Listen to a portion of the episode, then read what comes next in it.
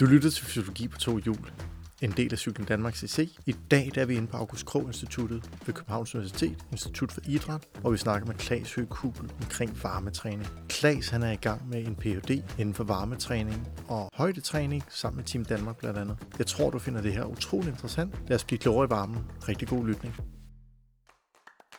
Ja, sådan lidt kort. Jeg hedder Klaas Høgkugel, og øh, jeg har en bachelor i fysioterapi, og så... Øh, synes jeg, det var interessant at øh, dykke mere ned i fysiologien. Øh, så jeg har taget en kandidat i humanfysiologi her for Københavns Universitet og laver nu en Ph.D., som der er fundet af Team Danmark med primært fokus på højdetræning og varmetræning, øh, og også inden for det term, som vi kalder durability, og alt sammen er primært hos elitecykelrytter eller eliteudholdenhedsatleter. Spændende. Øh, hvad handlede din øh, kandidatafhandling om? Min kandidatafhandling omhandlede egentlig lidt et andet emne, men også inden for fysiologien, og det var øh, at undersøge, hvilken betydning øh, overkropspositionen havde hos elitecykelrytter, og primært faktisk hos øh, elite enkeltstartsrytter. Øh, jeg havde sådan en idé om, at øh, man ser, at øh, top 10 for VM i enkeltstart sidder meget lavt med deres overkrop, og øh, så synes jeg, det kunne være interessant at undersøge og sige, jamen er der en eller anden fysiologisk begrænsning, vi kan måle, øh, og den vej igennem ligesom finde ud af, er, er der nogle øh, begrænsninger for, om man kan sidde lavt med overkroppen, eller, eller er der ikke. Øhm, og der lavede vi det her studie af nogle af de bedste enkeltstartsrutter herhjemme, hvor vi så undersøgte øh, deres totale energiomsætning og deres oplevede anstrengelse i fire forskellige øh, enkeltstartspositioner, som vi observerede fra øh, VM i enkeltstart og fra et danske mesterskaber, og så, øh, så øh, undersøgte vi og så, jamen er der noget med din muskeliltning i lovmuskulaturen, og øh, er der en, en øget energiomsætning ved en øh, fast øh, belastning. Øh, så det er det, jeg har skrevet special om, og nu er vi så gået mere over i højde- og varmedelen, fordi det er mega interessant og noget, som der har stor praksisrelevans for mange udholdenhedsatleter, men også for den gængse øh, motionist. Øh, vi kender alle sammen det med at, at komme et varmt sted hen, og så kan man mærke, hvordan varmen påvirker en til at starte med, eller hvis man eksempelvis tager på skiferie og kommer i højderne, Livigno 2100, eller øh, Madonna di Campiglio, som ligger endnu højere, øh, at øh, der kan man godt mærke, hvordan at, øh, at, at det har en indflydelse. Eller hvis man kører øh, nogle af Grand Fondoerne rundt om i, i hele Europa og kører Alpe d'Huez eller nogle af de andre, så kan man godt mærke, at når man kommer op i højden, så kan man have svært ved at køre de samme watts, som man har haft tidligere. Og hvordan kan man forberede sig på det ved eksempelvis at tage på højdetræning? Ja, det er jo super spændende emner. Øh, lige en sidenote, så er du også en erfaren bikefitter og arbejder med det øh, ja. en del år. Ja, det er, det er noget af det, som jeg stadig laver en lille smule af, men primært på folk, som der lever af det. Øh, og det er mere sådan vejledning i, i forhold til, hvilke aspekter kan man optimere. Øh, både for sådan det fysioterapeutiske perspektiv, men også ud fra det sådan fysiologiske perspektiv. Fantastisk. Jamen lad os gå ned i dagens emne, som er varmetræning. Øh, du havde jo en fin introduktion til det, så hvad er varmetræning, og hvad, hvordan har varme en effekt på os som, øh, som mennesker, når det er, vi træner? Jamen altså, det som langt af os, de fleste oplever, er jo, at når vi går i gang med at, at, at lave noget arbejde for hvile til en given intensitet, jamen så stiger vores kernetemperatur som et resultat af, at vi producerer mere energi i vores muskler.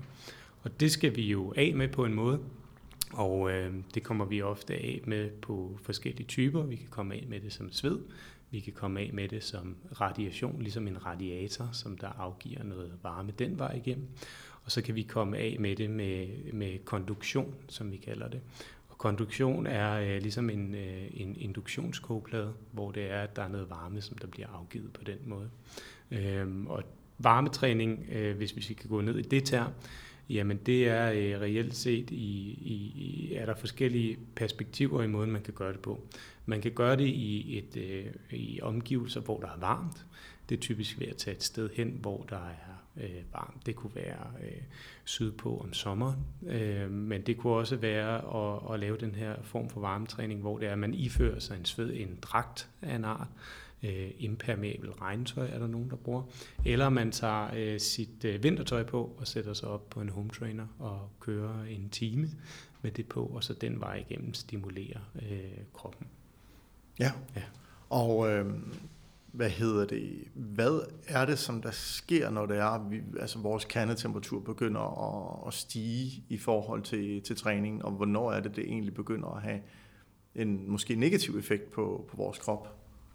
Jamen altså, varmen, kan man sige, er jo, er jo noget af det, hvor det er, at man kan sige, der er sådan, det, det er jo meget individuelt, men der er sådan typisk, når vi kommer op, vi kan selv opleve det, når vi får feber og syge, øh, og kommer op og har over 40 grader i, i temperatur, så er det typisk der, hvor det er, at vi kan se nogle negative effekter i forhold til det. Øhm, og øh, noget af det, som der, der ligger i det, er jo, at øh, at den måde, som vi egentlig gerne øh, kan man sige, vil lave varmetræningen på, hvis det er det, vi kigger på, så skal vi gerne ikke over 39 grader, for der kommer nogle negative effekter. Og de negative effekter er jo både ned på at sige, jamen, hvordan er det, vi reelt set har en indflydelse på vores muskler, hvor aktive de er i forhold til at lave energi, det kan være enzymaktiviteter eller proteinaktiviteter, som der har en effekt den vej igennem negativ. Men det kan også være på vores øh, hoved, som der øh, den vej igennem, kan man sige, når man får, får varme øh, kognitivt begynder at have negative effekter i forhold til vores koncentration. Øh, der er dog nogle studier, der har kigget på eksempelvis i enkeltstartcykelrytter og deres kernetemperatur øh, under en enkeltstart, så det er ikke fordi det, det på den måde kan man sige, øh, har en negativ effekt, øh, men, men derfor kan det have en negativ effekt, øh, og det er der, hvor de individuelle variationer er forskellige i forhold til, om man er god til at håndtere varmen, eller om man er mindre god til det.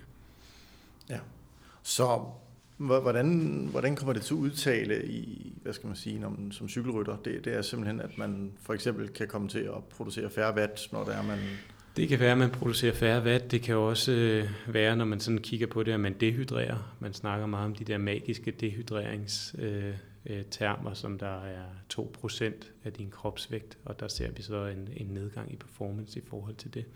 Øh, og det er jo typisk det, som man også kender som hedeslag. Øhm, og det er jo det her med, at kroppen har ligesom en eller anden kapacitet for at øh, opbygge varme, og det når et kritisk niveau, og når den her storage, som vi kalder det, bliver for stor, så, jamen, så kan vi ikke komme af med den varme, som vi reelt set producerer. Nej. Så hvordan, øh, hvordan arbejder man med hvad skal man sige, eliteatleter, og hvad er det, I har fundet ud af med de studier, I har lavet omkring det her? Jamen altså, hvis vi sådan snakker selve tilpasningen til varme, øh, så øh, kigger man på de adaptationer, som der sker hurtigt i tilpasningen. Så det vil sige, at det er inden for dage til en uge, hvor det er, at både din evne til at holde på salten i sveden, som er relativt vigtig, øh, den tilpasser sig, den, øh, den falder. Så hvis vi tager og sætter et plaster på låret eller på ryggen nogle steder, hvor det er, vi ved, at det er repræsentativt for hele kroppen, jamen så ser vi, at niveauerne af, af salt i svedet, det bliver mindre det er fordi, at vores svedkirtler tilpasser sig, og på den måde ikke udskiller lige så meget salt. Så er der den anden del, som der er, at øh, din svedrate, det vil sige, hvor meget sved det er, du producerer, som der er en rigtig god måde også at komme af med varmen på, den stiger også, øh, så du producerer simpelthen mere sved til et givet arbejde, og på den måde har en større, øh, det vi kalder cooling capacity. Og så er der den sidste del af det, som der ligesom er øh, det, vi kalder onsettet, det vil sige den temperatur, du har. Øh, og den kan jo svinge lidt i forhold til, hvornår på dagen det er, vi måler temperatur. Er det om morgenen, er det midt på dagen eller aften? Men sådan, hvis man tager sådan en gennemsnitstemperatur, så ser man, at den falder en lille bitte smule, når du tilpasser dig i varmen. Og det, viser, det, det giver så, at du har en større kapacitet, før det er, at du reelt set kommer op og rammer, kan man sige, det maksimum, du kan arbejde for. Øhm, så hvis man skal gå ind og sige, hvad sker der, kan vi, kan vi gå lidt mere i dybden omkring, hvad er det, der sker sådan rent fysiologisk omkring det her med øh, varmen, altså vi har været lidt inde på øh, med saltindholdet og enzymer og proteiner osv. Øh, hvad, hvad er det, der, hvad er det, der sker sådan inde i, inde i kroppen, når det er, at... Øh Jamen altså, der sker det, at vi de første par dage i varmen ser øh, det, vi kalder en plasmaekspansion. Så det vil sige, at vi får flere af de, øh, de, de, hvis man tager en blodprøve og centrifugerer den, så har vi ligesom de røde blodceller og de hvide blodceller, og de hvide blodceller får vi mere plasma af. Og plasmaen er blandt andet det, som der er med til at distribuere varmen ud. Og den vej igennem får en, en større volumen, og den vej igennem får en større kapacitet for at komme af med varmen. Øhm, og grunden til, kan man sige, at, at man gør det, er jo, at øhm, det er der forskellige, forskellige virkningsmekanismer, man kan dykke mere ned i fysiologisk. Men det er reelt set et respons til, at kroppen siger, hov, der er en ændring ude omkring os, den må vi prøve at tilpasse os til, og det gør den blandt andet den vej igennem. Ja, så hvis, øh, lad os sige, at vi har nogle folk, de skal ned og, og cykle et, et løb sydpå i, i varmen til sommer. Hvordan tilpasser man sig egentlig det? Hvordan kan man træne, hvordan kan man adaptere til varme, så det rent faktisk har en fysiologisk effekt for en? Det, der er jo ligesom selve, kan man sige, tilpasningseffekten, som vi har snakket om nu, som der ligesom er det, vi kan, kan kalde akklimatisering, at man tilpasser sig til et miljø. Øhm, og der er ligesom de effekter både i forhold til performance-delen, hvor det er, at man ser, at man bliver bedre til at kunne performe ud for det, vi har øh, nævnt før her. Og så er der den anden del af det, som der ligesom er mere øh, den del, som der hedder øh, hemoglobindelen af det. Hemoglobinen er øh, den del af vores røde blodceller, som der leverer ilt til vores muskler, den ildbærende kapacitet. Og øh, den kunne man jo også godt tænke sig at røre en lille bit smule op, og det er noget af det, som forskningen de sidste par år har haft en del fokus på at sige, kan vi bruge varme træning som en træningsmetode til at, at hæve den. Øh, og det begynder der egentlig at være ret god evidens for, at vi kan gøre det. Øh, men typisk vil det være sådan, at de øh, træningsstudier, som der ligger, er, at man vil enten lave noget træning i en sauna, eller man vil sætte sig ind i et 40 grader varmt rum, øh, køre moderat intensitet. Øh, de studier, som, som vi har lavet, der kigger vi på sådan noget, der hedder 3,3 watt kilo, som man kører. Øh, så det vil sige, at hvis man øh, vejer 70 kilo, jamen så kører man lige omkring de der 340 watt øh, stabilt. Øh, og så kigger vi blandt andet på øh, pulsresponset til det, øh, og ser, hvordan er det, det passer sig. Øh, I forhold til det, du snakkede om før, så ser man også i varmen, at ens puls vil stige, så det er reelt set, at man den vej igennem får et større, det vi kalder, øh, øh, hvad nu det hedder, øh, større slagvolumen, eller ikke større slagvolumen, men større cardial output, det vil sige det blod, som hjertet pumper ud, det bliver højere den vej igennem, og er også med til, at vi får en højere cooling capacity den vej igennem. Men tilbage til spørgsmålet, jeg ved godt, det var lidt kringlet derhen af, men tilbage til spørgsmålet, så øh, vil man typisk gøre det, at man vil lave øh, enkelte øh, varmetræninger per dag, cirka en time, hvor det er, at man så bliver udsat for varmen øh, og får nogle af de adaptationer, som vi har snakket om nu. Øh, det interessante er jo så også at sige, jamen, hvor lang tid holder de effekter, som vi har. Øh, det er noget af det, som vi kalder øh, decay-perioden. Så hvis man har brugt en periode, lad os nu sige på to uger, hvor man har varmetrænet nogle gange for at tilpasse sig til det, jamen hvor lang tid var det så ved? Øh, og den, den tidligere konsensus på området har været lidt, at øh, for hver dag, du har øh, varme tilpasset dig, så holder det i to dage efterfølgende for, at effekten ligesom går nedad. Så hvis du har varmetrænet 10 dage, så har du det effekt af det i 20 dage. Men spørgsmålet er så lidt at sige, jamen, Øh, Øh, når vi tager ud og træner også bare normalt, eller hvis man går ned og kører spænding, som jeg kunne forestille mig, der er mange, der gør her i vintermåneder, eller sidder på, på Swift øh, home traineren derhjemme, jamen så kan man også mærke, at temperaturen stiger, og den vej igennem, så hæver vi også vores kernetemperatur. Øh, så på den måde får man også et varmestress den vej igennem. Øhm, men det vil være en måde at gøre det på, øhm, og, og tilpasse sig med nogle enkelte sessioner. Øh, nogle bruger også varme bade, øh, hvor de lægger sig passivt i øh, efterfølgende. Der er evidensen ikke så stor på området. Vi snakker jo altid evidens, hvor meget ved vi sådan forskningsmæssigt. Og så er der ligesom den anden del, som der, der ligger mere for det anekdotiske, vores erfaring. Hvad er det, folk egentlig gør i praksis? Og der er, der er sådan lidt, kan man sige, to forskellige verdener, vi kan dykke ned i den vej igennem. Øh, men det er tilbage meget til det individuelle. Hvordan responderer vi individuelt på varmen? Øh, et, et, et, et, et godt eksempel kan være, at derhjemme så med 20 grader, som vi har derhjemme lige nu, jamen så går jeg rundt i t-shirt og har shorts på, og min kæreste går rundt med stort striktøj og, øh, og hjemmesutter og synes, der er koldt. Øh, og det, det er jo sådan lidt for, forskelligt, hvordan det er, man har det med temperatur og, og indflydelse på det. Ikke? Jo. Øh, nu nævner du det her med at sige, at, at man kunne tage varmebad eller noget efter træning, men, men jeg går ud fra, at der så vil være den effekt af, at man så vil have en dårligere restitution, eller i hvert fald restitutionen vil gå i gang senere i forhold til at sænke kernetemperaturen, og, og dermed starte den del, eller er det helt forkert? Det er i hvert fald noget, man kan tænke ned i. Det er igen noget, som vi ikke ved helt vildt meget om. Restitution er jo et, et sjovt mål, som vi snakker om, og det er jo sådan primært i forhold til også at sige, at når vi har lavet et, et givet stykke arbejde i varme, så lidt tilbage til den der dehydrering, som vi snakkede om, øh, jamen så er der jo nogle forskellige øh, mekanismer i det, i forhold til, at man selvfølgelig skal rehydreres, man har en lidt højere puls efter arbejde, og alle de ting, som der ligger mere inde på stresset på, for nervesystemet, altså det autonome nervesystem.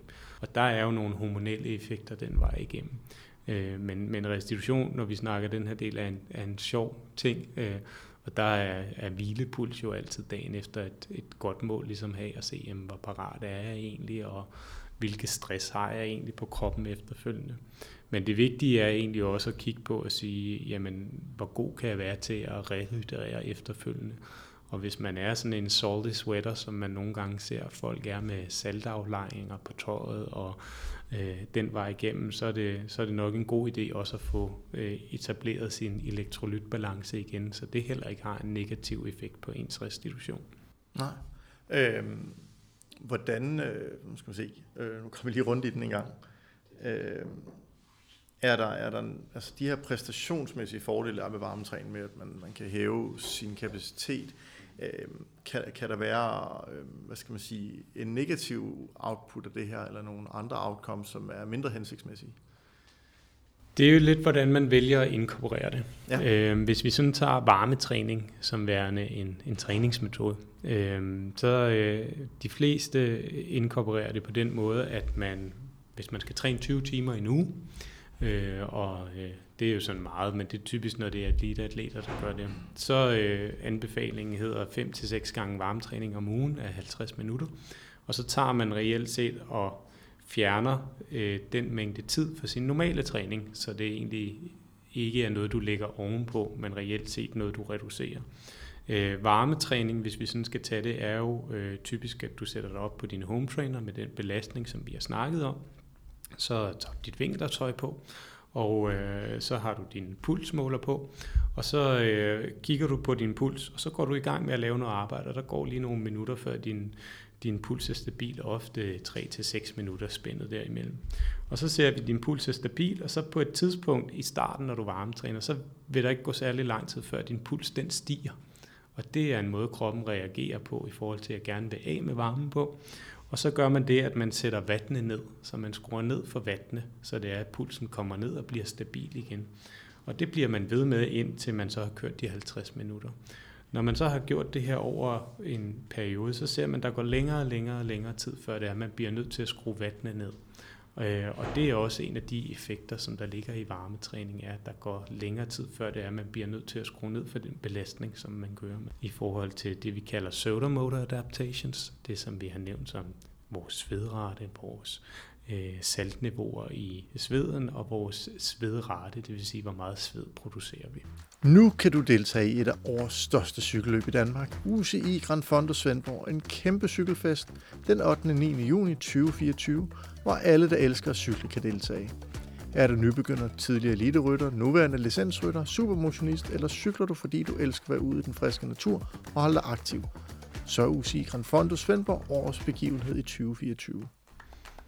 Ja, øh, nu nævnte du det her med, at øh, man, man skulle finde en stabil... Hvad for et niveau skal man ligge på, når man starter ud? Øh, enten, altså pulsmæssigt? Altså hvor, hvor er det, man skal ligge sig henne? Vi, vi, altså typisk så øh, kan man sige, at de anbefalinger, der ligger, er, at du reelt set skal kunne køre den her træning som en restitutionstræning. Ja. Så øh, i det her tilfælde har vi brugt de her 3,3 watt kilo, fordi det er meget veltrænet cykelrytter. Men typisk kan man sige, skal du sådan ligge i, i domænet omkring grundtræning. Ja. Øhm, og det er jo individuelt, hvad en grundtræningspulszone er. Og den kan jo svinge fra 110 øh, til slut 140, 145. Det er jo igen også aldersbetinget, ja. og har du trænet meget tidligere har et større hjerte, så har du lidt lavere puls. Og er der en procentuel sådan cirka det? Eller? Den, den kan være lidt svær, synes jeg, at, ja. at svare direkte på, fordi det er, det er meget individuelt betinget. Øh, du kan også sagtens, jeg, jeg glemmer aldrig her for nogle år siden, så jeg Alberto Contador lægge et øh, en, en fil op, hvor han havde haft 203 i makspuls, selvom han var lidt ældre. Det, det er bare et eksempel, så ja. på den måde kan man sige, at pulsen er jo meget individuel, ja. og kan også have, være influeret meget af, øh, hvilken type træning har du lavet op til. Og, øh, så så man skal egentlig gå hen lidt med at kigge på, hvad skal man sige, den her fornemmelse, så, så den her perception af, hvor hårdt det føles. Ja, og der, der kan man sige, at den her borgskala øh, er, er super god. Der findes to forskellige øh, af den, men der skal man typisk, kan man sige, komme ned og ligge sådan i det lavere spektrum af det. Øh, og så kan man bruge også det, man kalder sådan en termisk komfortskala, øh, som der går fra minus 3 til plus 3. Øh, men, men jeg vil sige, sådan typisk det der med, at man skal tænke, man skal kunne køre det som en restitutionstræning. Ja, jeg ved, at, at øh, de to øh, samtaler, vi har haft med, med Peter Møller, der vi snakket med en skala fra 1 til 10, hvor ja. jeg tror, det hedder 1 til 4, 1 til 5 eller sådan noget af den stil. Der skal man ligesom, øh, det skal være muligt at tale og køre stille og roligt. Lige præcis. Og det, det, det er lidt det der med, at du skal tænke på, nok intensitetsmæssigt skal det svare til at du sætter dig op på cyklen, og hvis du er ude og køre en længere tur med dine gode træningskammerater, I sidder og taler og ikke forhjulsliger hinanden, så er det nok i det, du mener en lille bit smule lavere, ja. øh, man skal ligge, når man kører varmetræning. Og nu nævnte du det her med, at, at der er en vis effekt, som der er at sige, en dag svarer til to dage. Men er der flere faser i den her træning? Altså går det, sige man starter et halvt år før man skal ned og køre noget, er der, er der flere niveauer af det, eller kan man, er det det samme, man laver hele vejen igennem? Der er øh, nogle, nogle studier, der, der er lavet et enkelt studie på øh, det her med, hvis man kigger på hemoglobinmasse, delen dernede og vedligeholdsdelen af det. Øhm, og det, som der ligger lige nu, er, at man, man anbefalingen ligger, at man kører fem uger for at få den fulde effekt, hvis vi kigger hemoglobinmassemæssigt. Øh, og så kan man efterfølgende slå over i det, vi kalder en vedligeholdelsesperiode. Vi, tænker, vi kender det selv lidt, hvis man laver en speciel type træning i en periode. Det kunne være, at man siger, at jeg vil rigtig gerne øh, blive bedre til at køre langt. Så har jeg måske en blok på tre eller fire uger, hvor man gør det. Og så i den efterfølgende periode, så vedligeholder man det med at køre en enkelt eller to lange ture om ugen. Og det er lidt det samme med varmedelen. Så der kan man have den her periode med fem uger, hvor man laver fem til seks gange om ugen, og så slår man over i en længere periode, hvor man så øh, gør det tre gange om ugen, for stadig at bibeholde den her tilpasning til varmen. Og der, øh, der øh, kan man så sige, at noget af det, vi ikke ved så meget om, det er så at sige, jamen kan man måske senere hen, hvis det er tættere på det sæsonmål, man har, øh, der ligger tættere hen øh, i slutningen af perioden, kan man måske have behov for at køre den op igen øh, med en kortere periode med mere intensiv øh, tilpasning, kunne man godt forestille sig. Men der ligger også det i, at der er mange, der bruger det sådan typisk, kan man sige, tidligt på sæsonen, så januar, februar, marts, hvor de laver den her type af træning, og så øh, kommer vi længere hen i løbet af sæsonen, og så kommer der varme dage udenfor, og der får du også en eller anden form for varmestress den vej igennem. Så der vil du måske vedligeholde noget af det, men vi, vi ved ikke så meget øh, inden for det område lige nu. Ja. Øh, I forhold til sådan at være metodisk omkring sin træning, øh, kan det give mening også i forhold til hvad skal man sige, hydrering og så videre, og veje sig før og efter, sådan at man ligesom har en idé om også, øh, hvad er sædretten omkring det her, og hvor meget øh, får man egentlig smidt væk den vej rundt? Det er, synes jeg, er en rigtig god idé, øh, og det er også det, man bruger, som du rigtig siger, til at udregne svedraten. Øh, svedraten er jo så også lidt betinget af, hvor lang tid du kører, fordi jo længere tid du kører til en given belastning, jo højere svedrate vil du have. Øh, men en god idé er at, at, at kigge på det og så sige, jamen, hvor meget taber jeg mig egentlig, og hvor meget har jeg egentlig behov for at rehydrere, altså indtage væske igen, sådan cirka 45 minutter til en time efterfølgende. Så har man sådan et meget godt billede af, at man i hvert fald er tilbage på niveau igen. Øhm, og man kan sige, for den almene kan det være lidt svært at, at måle, hvor meget salt er det, man har i, i sit sved, og det varierer også meget fra øh, øh person til person, om man er den her salty sweater, eller man ikke er det. Men en god idé er i hvert fald øh, øh, den vej igennem og, og veje sig før og efter, fordi så har man en god idé til at, at se, hvor meget af det man reelt set taber øh, af væske i løbet af sådan en træning. Ja. Øhm, når vi, altså, der, der er jo det her med, at der er jo nogen, som der er, hvad skal man sige, responderer rigtig godt på det her med at være i varmen, og så er der andre, som der der ikke har det så godt med det. Øh, der er mange, der nævner Tadej Pogacar og Jonas Vingegaard som to øh, eksempler, som der ligger hver sin ende af det. Øh, er der, er der nogen viden omkring hvorfor, eller hvordan det kommer til udtryk hos dem? Det er jo et, et godt spørgsmål, når vi snakker gener. Ja. øhm, det er et område, som jeg ikke har dykket så meget ned i, så det er lidt svært at, at udtale mig direkte om det. Men vi kunne jo godt forestille os, at folk, som der på en eller anden måde af natur bare er gode til at være i varme, har det godt i varmen. Øhm, og så er der nogen, som der responderer, som du siger, rigtig godt på at varme tilpasse, og så er der nogen, der faktisk ikke bliver bedre. Og vi ved faktisk ikke helt, hvorfor det er sådan. Øhm, jeg, jeg har det selv sådan ret godt i varmen, øh, og jeg er trods alt født herhjemme og aldrig været sådan typen, der har været meget sydpå i varmen eller noget, men jeg har det egentlig ret godt, og så har jeg en kammerat, som der eksempelvis har det rigtig, rigtig dårligt i varmen, øh, og det kunne være interessant at se, hvis han varmetrænede, om han blev bedre, men det kunne også godt være, at han ikke blev bedre, fordi at han, kan man sige, den måde, han er bygget på fysiologisk, og de gener, han har, gør bare, at han ikke har de samme evner til at tilpasse sig til varme og performe i varmen. Ja. Er der en forskel kødt imellem, øh, når det kommer til varmetræning? Øhm, der er lavet nogle, nogle enkle ting i, i forhold til varmetræning, når man kigger på hemoglobinmassen, og det, det ligner, at der er den samme effekt både for mænd og kvinder på det. Øh, for kvinder kan man sige, øh, er der jo er der det punkt, at menstruationscyklus har en indflydelse på, hvordan ens kernetemperatur er. Øh, og der ligger, ligger noget i det i forhold til, at den går lidt op og en lille bit smule ned i forhold til, hvilken fase man er i menstruationscyklusen. Og det er et område, som vi mangler ekstremt meget viden på generelt kvinder, øh, og noget af det, som, som jeg håber, vi i fremtiden bliver endnu bedre til at belyse, fordi det er et, et kæmpe videnshul, øh, hvor vi ikke ved særlig meget øh, i forhold til øh, deres øh, evne til at tilpasse sig, i hvert fald ud for, for sådan elitesportsdelen dernede. Så det håber jeg, at der er nogen, der tager fat i og, og undersøger endnu mere i fremtiden. Øhm, når det kommer til det her med, med træning, øh, nu nævner du det her med, at man helst kører i restaurationsmode, altså vil det sige, at man, man laver sjældent, øh, eller går man også ind nogle gange og laver intervaltræning, eller hvad mere højintens træning, når det kommer til varmetræning, eller kører man det primært i, i den lavere zone? Man kan sige, at lige så snart vi lægger nogle intervaller på, så bliver stresset ekstremt stort. Øhm, og hvad jeg ved af, er der ikke lavet noget øh, på det område, hvor det er, at vi kigger på at lave det her højintense arbejde kombineret med varmetræning. Øhm, så, så hvad jeg ved, så det kan være, at der er nogen, der har lavet noget, det har jeg ikke lige dykket ned i, men det er i hvert fald en, en tanke, man kan have med i det.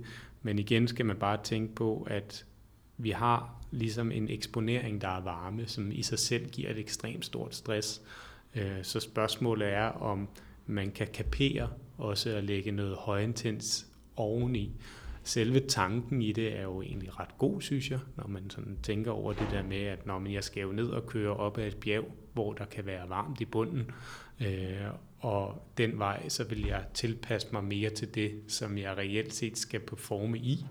Men, men som selve metode, der, der, der kender jeg ikke rigtig Nej. nogen, øh, nogen videnskabelige artikler, der har. Så, så der har man egentlig stadig med eliteatleter fokuseret på, at man holder den nede i den, og så har man sagt, det er adaption til ligesom at, eller tilpasning af klimatiseringen til at, at køre i varmen, det er stadig på det andet, og så... Der, der er lavet et, øh, et, eller, øh, øh, Lars Nybo, som der er min, min chef og min phd vejleder herinde, lavet et, et studie i Katar for nogle år siden, hvor de kiggede på time trial performance øh, og kigget på øh, i løbet af tre uger, hvordan var ens time trial performance på en given distance øh, udenfor.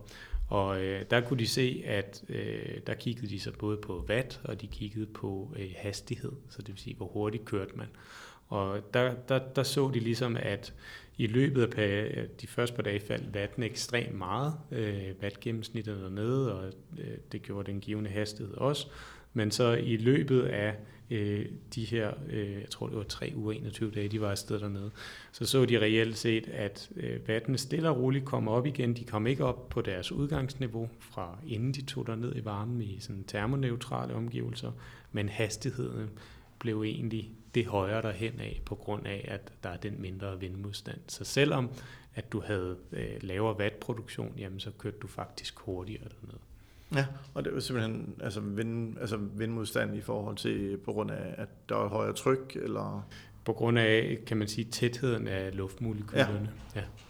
ja. Så det er, det er jo ligesom, øh, når man kigger på, øh, så jeg husker, når man laver team, øh, rekordforsøg, øh, så er det med høj og lavtryk i forhold til, at... Øh, Både med høj og med lavtryk, og med, kan man sige, hvor tæt er luftmolekylerne, så en, der kommer lidt mere afstand, jo varmere det bliver. Øh, og det er jo i sig selv et, et område, som, som, er, som der vil tage lang tid at dykke ned i, ja. forhold til at sige, jamen, hvordan er det reelt set, det har en indflydelse. Men der, der kiggede man i hvert fald på det den vej igennem i forhold til sådan mere end et, et performance-mål i, i praksis. Ja, ja. og det var heller ikke for at komme ud på et sidespor, det var Nej. ligesom mere at forstå, hvordan, øh, hvordan gør man det her. Ja.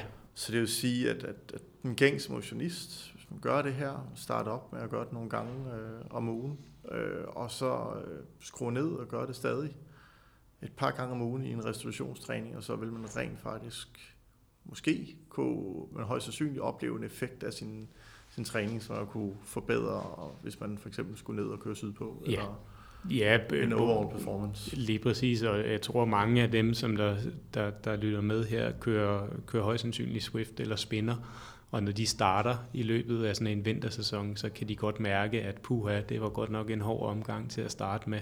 Og jo længere de egentlig kommer hen, og jo oftere de gør det, jo bedre bliver de også til dem, og det bliver et mindre chok for kroppen hver gang, fordi det er genkendeligt. Det er noget, de kender, det er noget, de har prøvet at træne.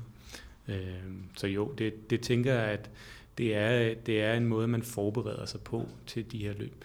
Øhm, vi snakkede kort sammen i går, øh, hvor jeg kom med eksemplet med øh, øh, Copenhagen Half Marathon i år, ja. hvor det var, at det var jo i september måned, og normalt i september måned har vi jo ikke særlig høje temperaturer, men lige den dag var det ekstremt varmt, øh, og det, de havde jo rekord i forhold til folk med hedeslag omkring øh, målområdet og undervejs. Øh, og det er jo nok et, et, et, et, øh, et produkt af, at folk ikke har tilpasset sig til varmen og ikke har trænet i varmen øh, og den vej igennem øh, har haft nogle negative effekter, den her akutte varme, når de har løbet ja. øh, der. Ikke? Jo, jeg ser jo, eller man ser tit også folk, der, der løber i tights i, i 20 graders varme, øh, og det, det har vel på en eller anden måde en effekt øh, på et tidspunkt, alt efter intensiteten.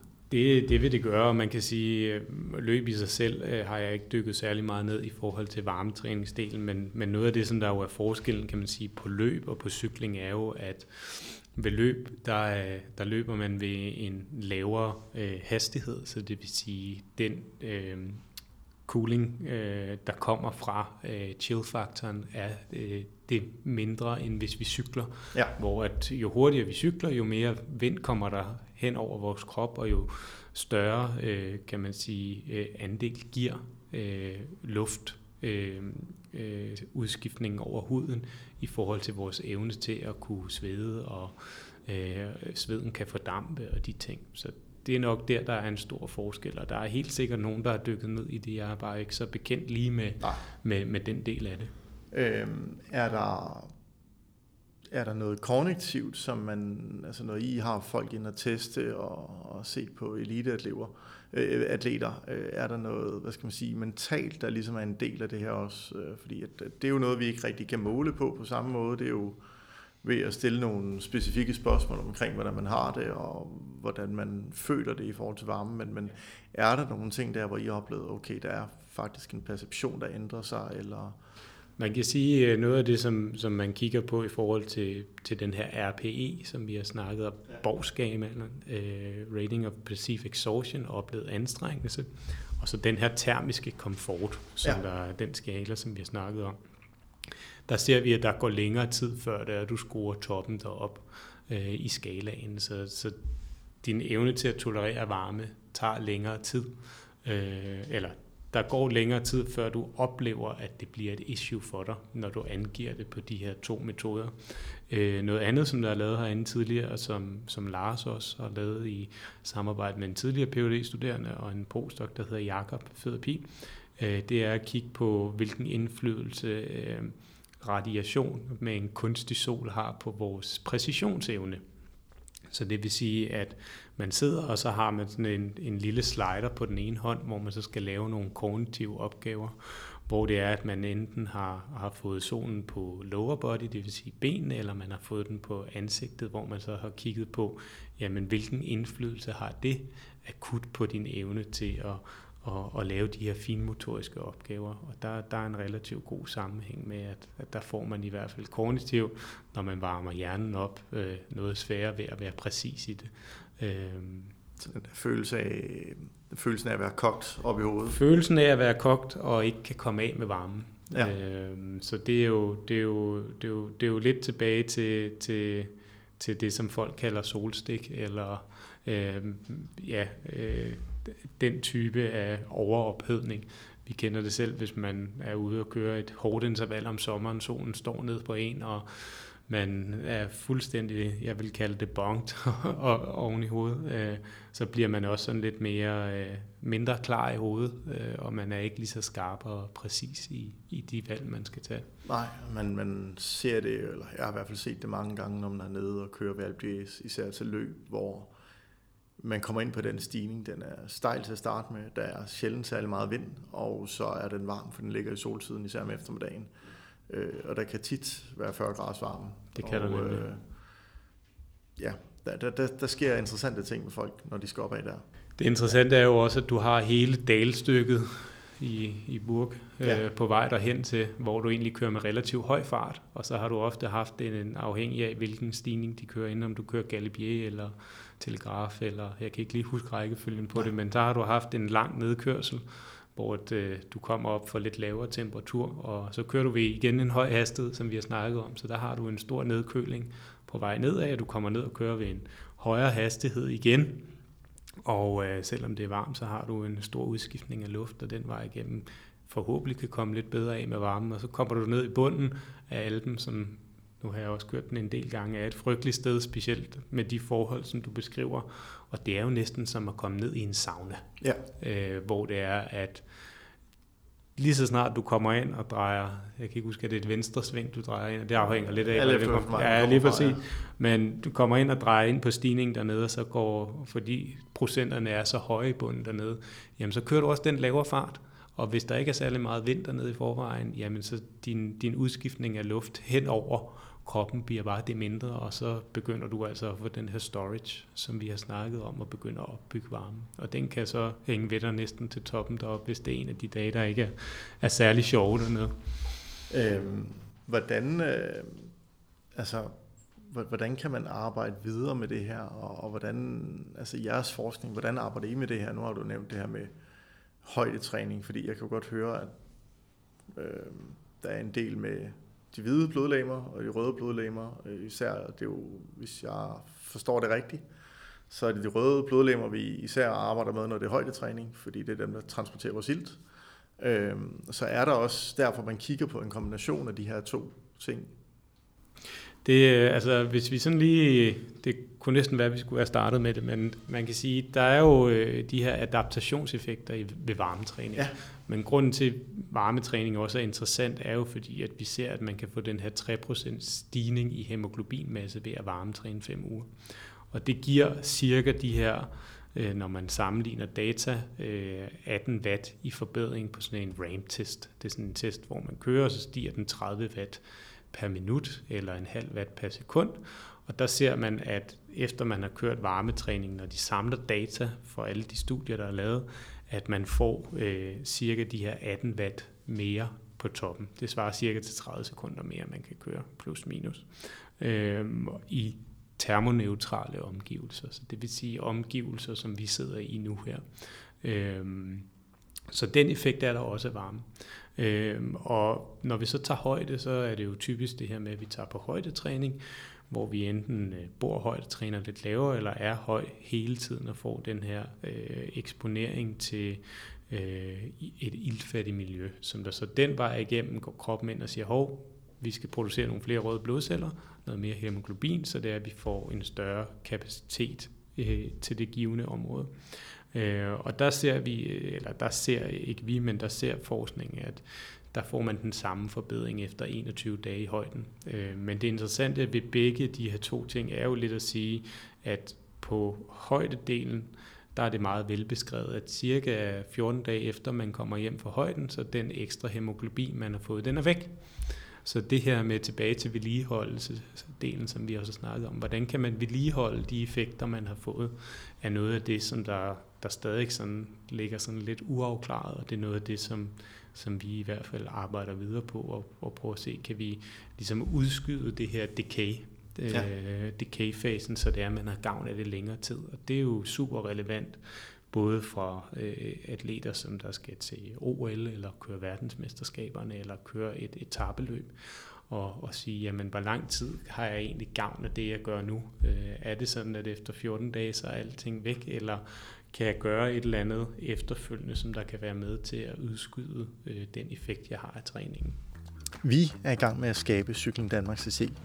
Stedet for dig, der elsker cykling, spor, grus, berm, snod landeveje, fællesskab, natur, motion, uanset niveau eller ambition. Vores ambition er at skabe et cykelfællesskab for dansk cykling, et samlingspunkt for din klub, dine venner, den lokale cykelbutik og dig. Cykel Danmark CC skal være et sted, hvor du kan finde inspiration til den næste tur, træningstips, møde nye mennesker og finde viden og engagement. Vi er lige startet. Vi har brug for, at du hjælper med at træde pedal, så vi sammen kan udvikle et cykelfællesskab, der fagner dig, mig og alle andre cykelentusiaster.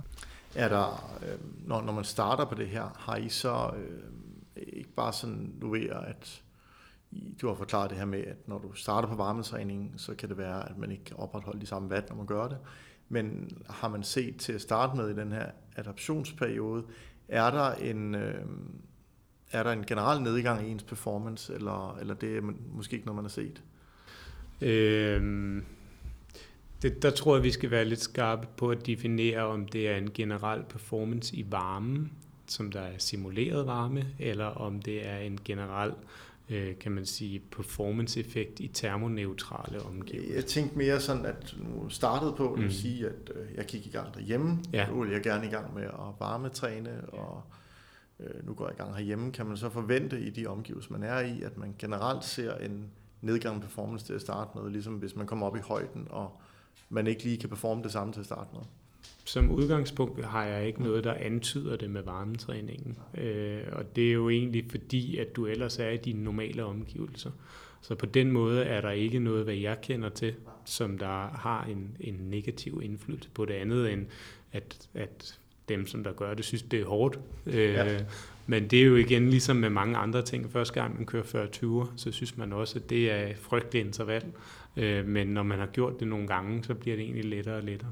Øh, men sådan den der generelle performancemæssige effekt øh, med, med om der skulle være en nedgang i performance, det er ikke noget, som jeg ved, der er undersøgt eller testet, og det er heller ikke det, som man sådan anekdotisk hører fra Nej. folk erfaringsmæssigt. Øhm, så lige nu siger du, at 40-20 de bliver let over tid. Det må du lige forklare mig, hvordan man sørger for, at det bliver nemt over tid. ja, men det, det er måske også sin, sin egen oplevede anstrengelse, ja. at det nok er mere det. Øh, og det er lidt det samme med, med, med varmen. Tilbage ja. til det der, som vi snakkede om med spænding. At første gang kan man synes, det er frygteligt, men når man har været til spænding et par gange i løbet af en uge, så over en periode, så synes man, at det bliver bedre og, og, og lettere at være i. Ja. Øhm, jeg, øh, hvad hedder det, øh, jeg sidder her og kigger på mine spørgsmål, og øh, nu fik jeg rykket rundt i det. Det var skide flot. Øhm.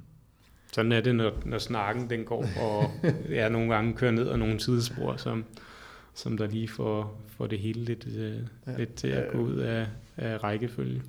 Har I, altså I har jo kigget på det primært på udholdenhedsatleter. Øhm, har man nogensinde implementeret styrketræning ind i den del, eller er det udelukkende i, hvad skal man sige, den endurance-mæssige del af det, når der man kigger på det? Hvad jeg ved, så styrketræningsdelen har ikke været sådan et særligt stort fokus. Øhm, og man kan sige, at styrketræningsdelen er lidt, lidt igen, hvilke effekter er det. Man, ja. man kan sige, at noget af det, der kunne være interessant at kigge på, og det tror jeg, der er lavet en lille bit smule på, det er at sige, at hvis du varmer op i, det kunne være sprint, nu er det så ikke lige styrketræning, men, ja. men for løbere eller andet, at det her med, vi ved jo alle sammen, at opvarmning er vigtigt øh, for at få alle de forskellige processer i kroppen til at arbejde ved en optimal arbejdstemperatur. Ja. Øhm, og det var lidt det, vi snakkede om i forhold til at sige, at når vi, når vi har nogle fysiologiske mekanismer i kroppen, jamen så ved vi, at de ligesom har et temperaturspænd, hvor de arbejder optimalt. Øhm, og der, der kan man sige, styrketræningsdelen, der er det jo, der, der varmetræningsmæssigt, der der har jeg lidt svært ved sådan at kunne se, hvad for en effekt det kunne have. Og jeg bliver nok klogere, hvis du spørger mig om 10 år, at der er nogen, der har undersøgt det, og, og, og, og det er jo det gode ved det, vi laver her, at vi hele tiden bliver klogere, og, og det er jo både ud fra den erfaringsbaserede del, hvor vi kigger på, jamen hvad gør folk i praksis, øh, hvor det er, vi siger, jamen vi kan ikke helt sige, hvorfor det er, det virker, men vi kan bare se, at det virker, og det er jo så der, hvor vi som forskere og forskningsinstitution skal være gode til at belyse de ting. Så jeg synes, at det er et, det er et område, hvor jeg faktisk må sige, at det ved jeg faktisk ikke særlig meget om. Nej, det er jo også øh, sådan af, af ren nysgerrighed i forhold ja. til, at, at mit, min opgave er jo at stille øh, spørgsmål, og nogle gange måske dumme spørgsmål, i forhold til at blive klogere på, hvad, hvad, hvad er det egentlig, der sker. Øh, og øh, nu har vi jo været sådan godt igennem i forhold til træning, hvordan man kan adaptere herhjemme, og når man kommer ned sydpå og så videre. Øh, så, så jeg synes egentlig, vi kommer ret godt rundt der, men er der noget, hvor du ligesom siger, okay, det her det kunne vi egentlig godt dykke lidt mere ned i? Altså jeg synes jo, jeg synes jo specielt den der vedligeholdelsesdel, som vi har snakket om, synes jeg er interessant. Øh, og jeg synes specielt det her med også at sige, at jamen, kan man reelt set få øh, større effekter, hvis man gør det over en længere periode. Og det, det ved vi ikke så meget om lige nu. Ja. Øhm, og det, det er jo et område, som jeg synes, der er interessant øh, at kigge ned i, og noget af det, som jeg også tænker, øh, både for eliteidrætten, men også måske lidt for den almindelige motionist, som, som, som vi ser, at mange lever næsten som proffer øh, nu til dag. Øh, der er i hvert fald mange, der går ekstremt meget op i det, og det ja. synes jeg er super inspirerende. Men, men det, er jo, det er jo det der med at tage det til det næste niveau i sine forberedelser, og i den måde, man, man går ned og, og, og vælger at at bruge sin tid på øh, og træne bedst muligt og mest effektivt, øh, når man vælger en, en måde at, at, at forberede sig på. Så jo, jeg synes helt klart, at, at det her med at sige, jamen kan vi udskyde den her øh, decay-periode, både med højde, men også med varmen, ja. men også blive klogere på at sige, jamen Morten, øh, hvorfor er det, at du responderer bedre på højde eller varme, end jeg gør? Fordi det ved vi faktisk ikke. Altså, og kan de udgangsniveauer, vi har, være med til at fortælle os, øh, hvorfor det er, og ved nogle simple testmetoder finde ud af at sige, jamen, du skal nok tage på højde, eller du skal nok tage, lave varmetræning, øh, eller som du også siger, det her med kombinationen af højde og varme, øh, det er jo også en, en interessant del, fordi det er reelt set to lidt forskellige virkningsmekanismer fysiologisk, som der er ved, ved højde og ved varme. Øh, hvor med varme, der siger man jo, at den her plasmaekspansion, altså det her øh, mere, øh, flere hvide blodceller, plasmaet i blodet, at det er med til at sende et signal til vores nyrer, hvor de så siger, at vores hematokrit er faldet, vi må hellere producere nogle flere røde blodceller, mere hemoglobin, og på den måde så tilpasser kroppen sig, hvor det ofte er, når du tager i højden, så øh, opfanger vores øh, O2-sensor, at der er mindre ilt tilgængeligt, og den vej igennem, så må vi tilpasse os. Så det er egentlig to forskellige virkningsmekanismer, og det interessante vil også være øh, at, at se, kan man, hvis man har været på højdetræning, og man kommer hjem, så vedligeholde den effekt, man har ved eksempelvis at lave varmetræning. Ja. Det, det ved vi ikke rigtigt øh, endnu. Men, endnu øh, men det er jo noget af det, der kunne være, synes jeg, interessant at se. Hvor kan man kombinere tingene? Det vil nok være svært at tage øh, på højdetræningslejr og, og så sidde og lave varmetræning. Øh, der er, tror jeg, helt sikkert nogen, der gør det og eksperimenterer med det. Øh, men sådan, når vi snakker grundfysiologisk, nu skal jeg have, have udgangspunkt i fysiologien, ja. fordi det er det, jeg arbejder med, så er der nogle mekanismer der, som, som vi ikke helt har klarlagt endnu, og som der ja. nok er svære at, at blive rigtig gode til at, at klarlægge der, hvor vi så lige nu, men det er nok det, fremtiden er med til at, at, at, at klarlægge, så det er, at vi kan sige, at det kan man nok godt gøre, eller sige, de, de, de har simpelthen en, ned, en negativ effekt på hinanden. Det er vel et eller andet, der arbejder imod hinanden på nogle punkter? Det eller? er, når vi, som jeg lige forklarede, ja. øh, hvis man tager udgangspunkt i den her kritmeter-teori, som man, man snakker om, jamen så er der helt sikkert noget, der modarbejder hinanden på den måde. Men det kan jo igen også være lidt tilbage til det her med at sige, at hvis man laver en varmetræningsperiode, og man ser, at der er nogen, der ikke har effekt af det, jamen hvis de så gør det igen, altså det her med gentagende ja. exposures, har de så en effekt af det den gang? Det er jo noget af det, som anekdotisk folk siger med højdetræning, at første gang de tager i højden, og det virkede overhovedet ikke for mig, jeg gør det ikke igen, men så hvis de gør det, lad os sige to måneder efter, jamen har deres krop så på en eller anden måde bedre forudsætning for at tilpasse sig til det, og det kunne man også godt måske forestille sig med varmen, at de her gentagende exposures, det er jo det, man ser med mange af de store World Tour hold, at de har måske tre eller fire, hvis de er rigtig gode højde øh, ophold i løbet af sådan en pre-sæson, øh, inden der de skal køre de store i et, i et tabløb. Ikke? Jo, det er noget mere, end man brugte tidligere, så vidt jeg ved. Øh, brugte man måske et højdetelt eller lignende til at sove i. Men, øh. Lige præcis, og det er der jo stadig mange, der bruger, ja. kan man sige, de her højdehoteller, hvor de så øh, sleep high, train low, det vil sige, så sover de i 2100 eller derover. Men altså det, det som forskning på det område øh, viser øh, nu her, sådan, det er, at, at du skal være i det kronisk øh, ja. derop den største del af, af tiden, for at du i hvert fald får det her, som vi kalder det hematologiske respons, som der er øh, den del af det, som der, der tilhører vores ændringer af blod og blodvolumen og sammensætning. Øh, der er et begreb, jeg tænkte, vi lige skulle have på plads, øh, som der er blevet nævnt nogle gange, det er det her med øh, det, ter, det termoneutrale område. Øh, og øh, hvordan, kan du prøve lige at beskrive det lidt mere, så folk ikke sidder og tænker, hvad er det i sidste ende? Termoneutrale områder er jo, er, eller termoneutrale omgivelser er jo, er jo sådan ret interessant. Øh, det afhænger lidt af, hvem man spørger og hvordan, men det er ligesom, når vi laver et studie, så vil vi gerne sikre os, at de omgivelser, vi tester i, er de samme hver gang. Det er lidt til den der systematik, som vi har snakket om. Ja. Så øh, vi gør ofte det, at når vi kører den her incremental peak power test, eller vi sætter folk til at køre en 5 minutters time trial, eller hvad end det er, vi sætter dem til, jamen så gør vi det gerne i et rum, hvor det er, at vi så kontrollerer for, at temperaturen er 20 grader og har en grad af den samme luftfugtighed. Så det er, at vi siger, at når vi tester dig her, så ved vi i hvert fald, at det er gjort under de samme betingelser. Ligesom når vi tester folk i et 40 grader varmt rum med 15 graders luftfugtighed, så ved vi, at hver gang vi tester din evne til at kunne performe din time to exhaustion, så er det gjort under de samme forhold. Så det er reelt set de her jeg ved ikke, om termoneutrale er det rigtige begreb at bruge, men, men det er i hvert fald et begreb, som der ligesom er med til at sige, at jamen nu tester vi der under nogle omgivelser, hvor vi siger, at det er nogenlunde det, som du performer i normalt, hvis man ja. tager en gennemsnitstemperatur. Så vi simpelthen går ind og kigger på reproducerbarheden også, det man laver. Øhm, apropos reproducerbarhed, og nu nævner du det her med, øh, med jeres test, øh, og nu kommer jeg ud af den igen, det er skide flot. Øh, øh, I, nu nævner du, I tester for eksempel en time trial på 5 minutter, altså laver I længere tester også, hvor man ligesom går ind og kigger, hvad sker der der, eller... Øh, man kan sige, sådan i forhold til varmetilpasningsdelen, så er det jo den her time to exhaustion under 40 grader, der er interessant at kigge på. Øh, hvis vi går over i, kan man sige, lidt det andet domæne, den sidste del af det, som jeg også kigger på, så kigger vi meget omkring det her durability-begreb. Ja.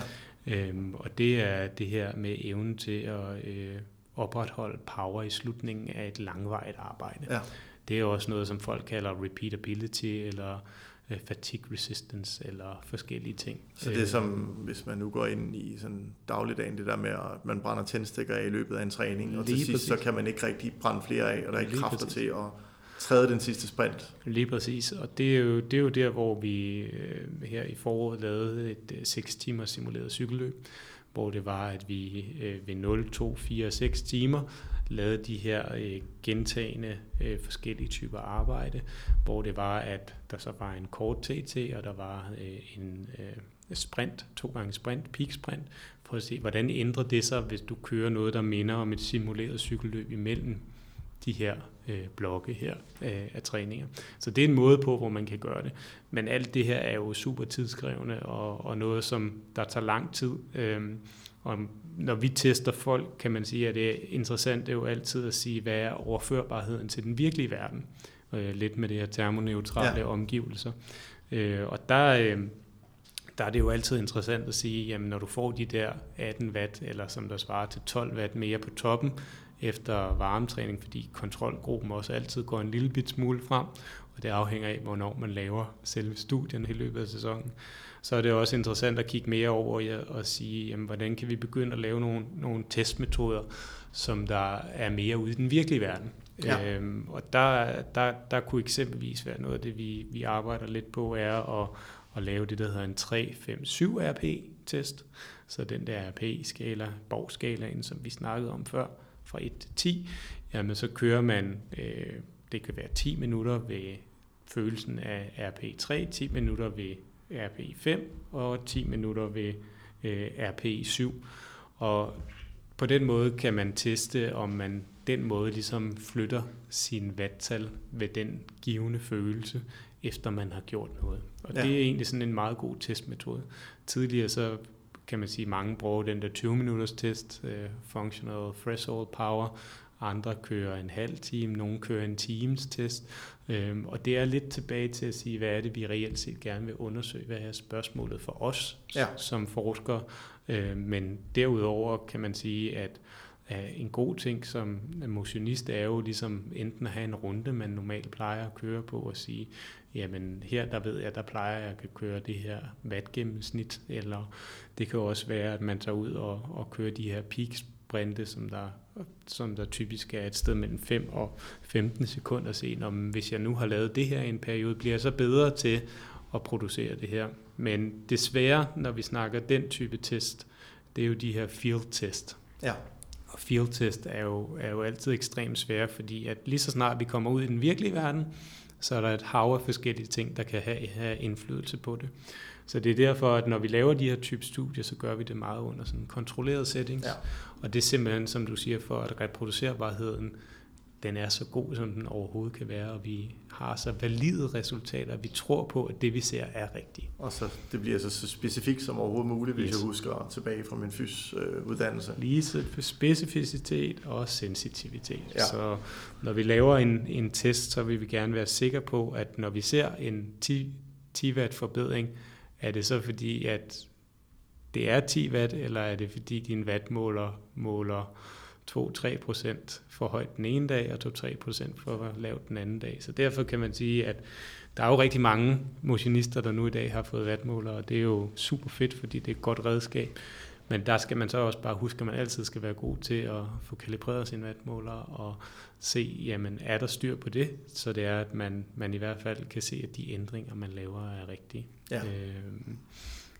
Øhm, og så være, være lidt metodisk omkring øh, sin testning, hvis der man tester. Fuldstændig, og det er jo ligegyldigt, om det er øh, varme, man tester, eller om det er watt, man tester, eller TT Performance, eller CDA, eller nogle af de andre ting, som vi har snakket om. Der, man, man, man, så længe man bare gør det samme, man gør hver gang, og man prøver at teste under sammenlignelige forhold, så kan man godt, øh, kan man godt tro på, at det, man ser, er rigtigt. Øhm, når man kommer hen til, til det her med temperatur og varmetræning osv., øhm, og det er jo et lille sidespring, og ikke specifikt helt på varmetræning, men er der egentlig øh, en, altså det, er jo, det kan jo være personligt øh, og selvfølgelig også oplevet, men er der egentlig en temperatur, hvor man siger, at det her det er egentlig ideelle grader at dyrke, hvad skal man sige, udholdenhedssport i?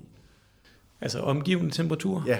Øh, det er der helt sikkert. Det, det er ikke lige noget, jeg kan slynge ud af ærmet, men, men hvis vi sådan snakker øh, varmetræningsdelen, hvad skal ens kernetemperatur op på, ja. kan vi tage som udgangspunkt lidt tilbage til det, du snakkede med, med med at man kunne måle sin øh, vægt før og efter, jamen så kan man jo bare bruge et normalt termometer, øh, rektaltermometer, og så se, jamen inden jeg gik i gang med varmetræning, hvor, hvor høj var min temperatur der, og hvordan var den efterfølgende. Og sådan i forhold til varmetræningsdelen, så, så i hvert fald i forhold til de konsensusartikler, der er lavet, så skal man omkring en 38,5 39, lidt over 39 grader for at få en effekt af det. Og det er indeni. Det, det, det, det duer ikke at tage i øret eller panden. Det er, det er i hvert fald ikke en rigtig kernetemperatur, Nej. hvis vi sådan skal bruge det. Der er jo mange, der bruger de her body core ja. øh, ind på siden, og øh, det er for sin vis også meget godt, men det er jo reelt set en, en laser, der prøver at skyde noget, noget lys ind og ud, øh, og den vej fanger. Og det er jo stadig en hudtemperatur. Så altså, jeg synes ikke klart, at hvis man har mod på det, så bruge et, et, et, et, et normalt termometer og så se. Men jeg er da sikker på, at der er andre, der bruger det andet i praksis, og det fungerer også fint. Øh, man skal bare tænke på, at hvis man bruger sådan et pandetemperatursensor, så hvis man sidder indenfor og har noget køling på hovedet, jamen så har det jo selvfølgelig også en effekt på, at hudtemperaturen bliver lavere den vej igennem.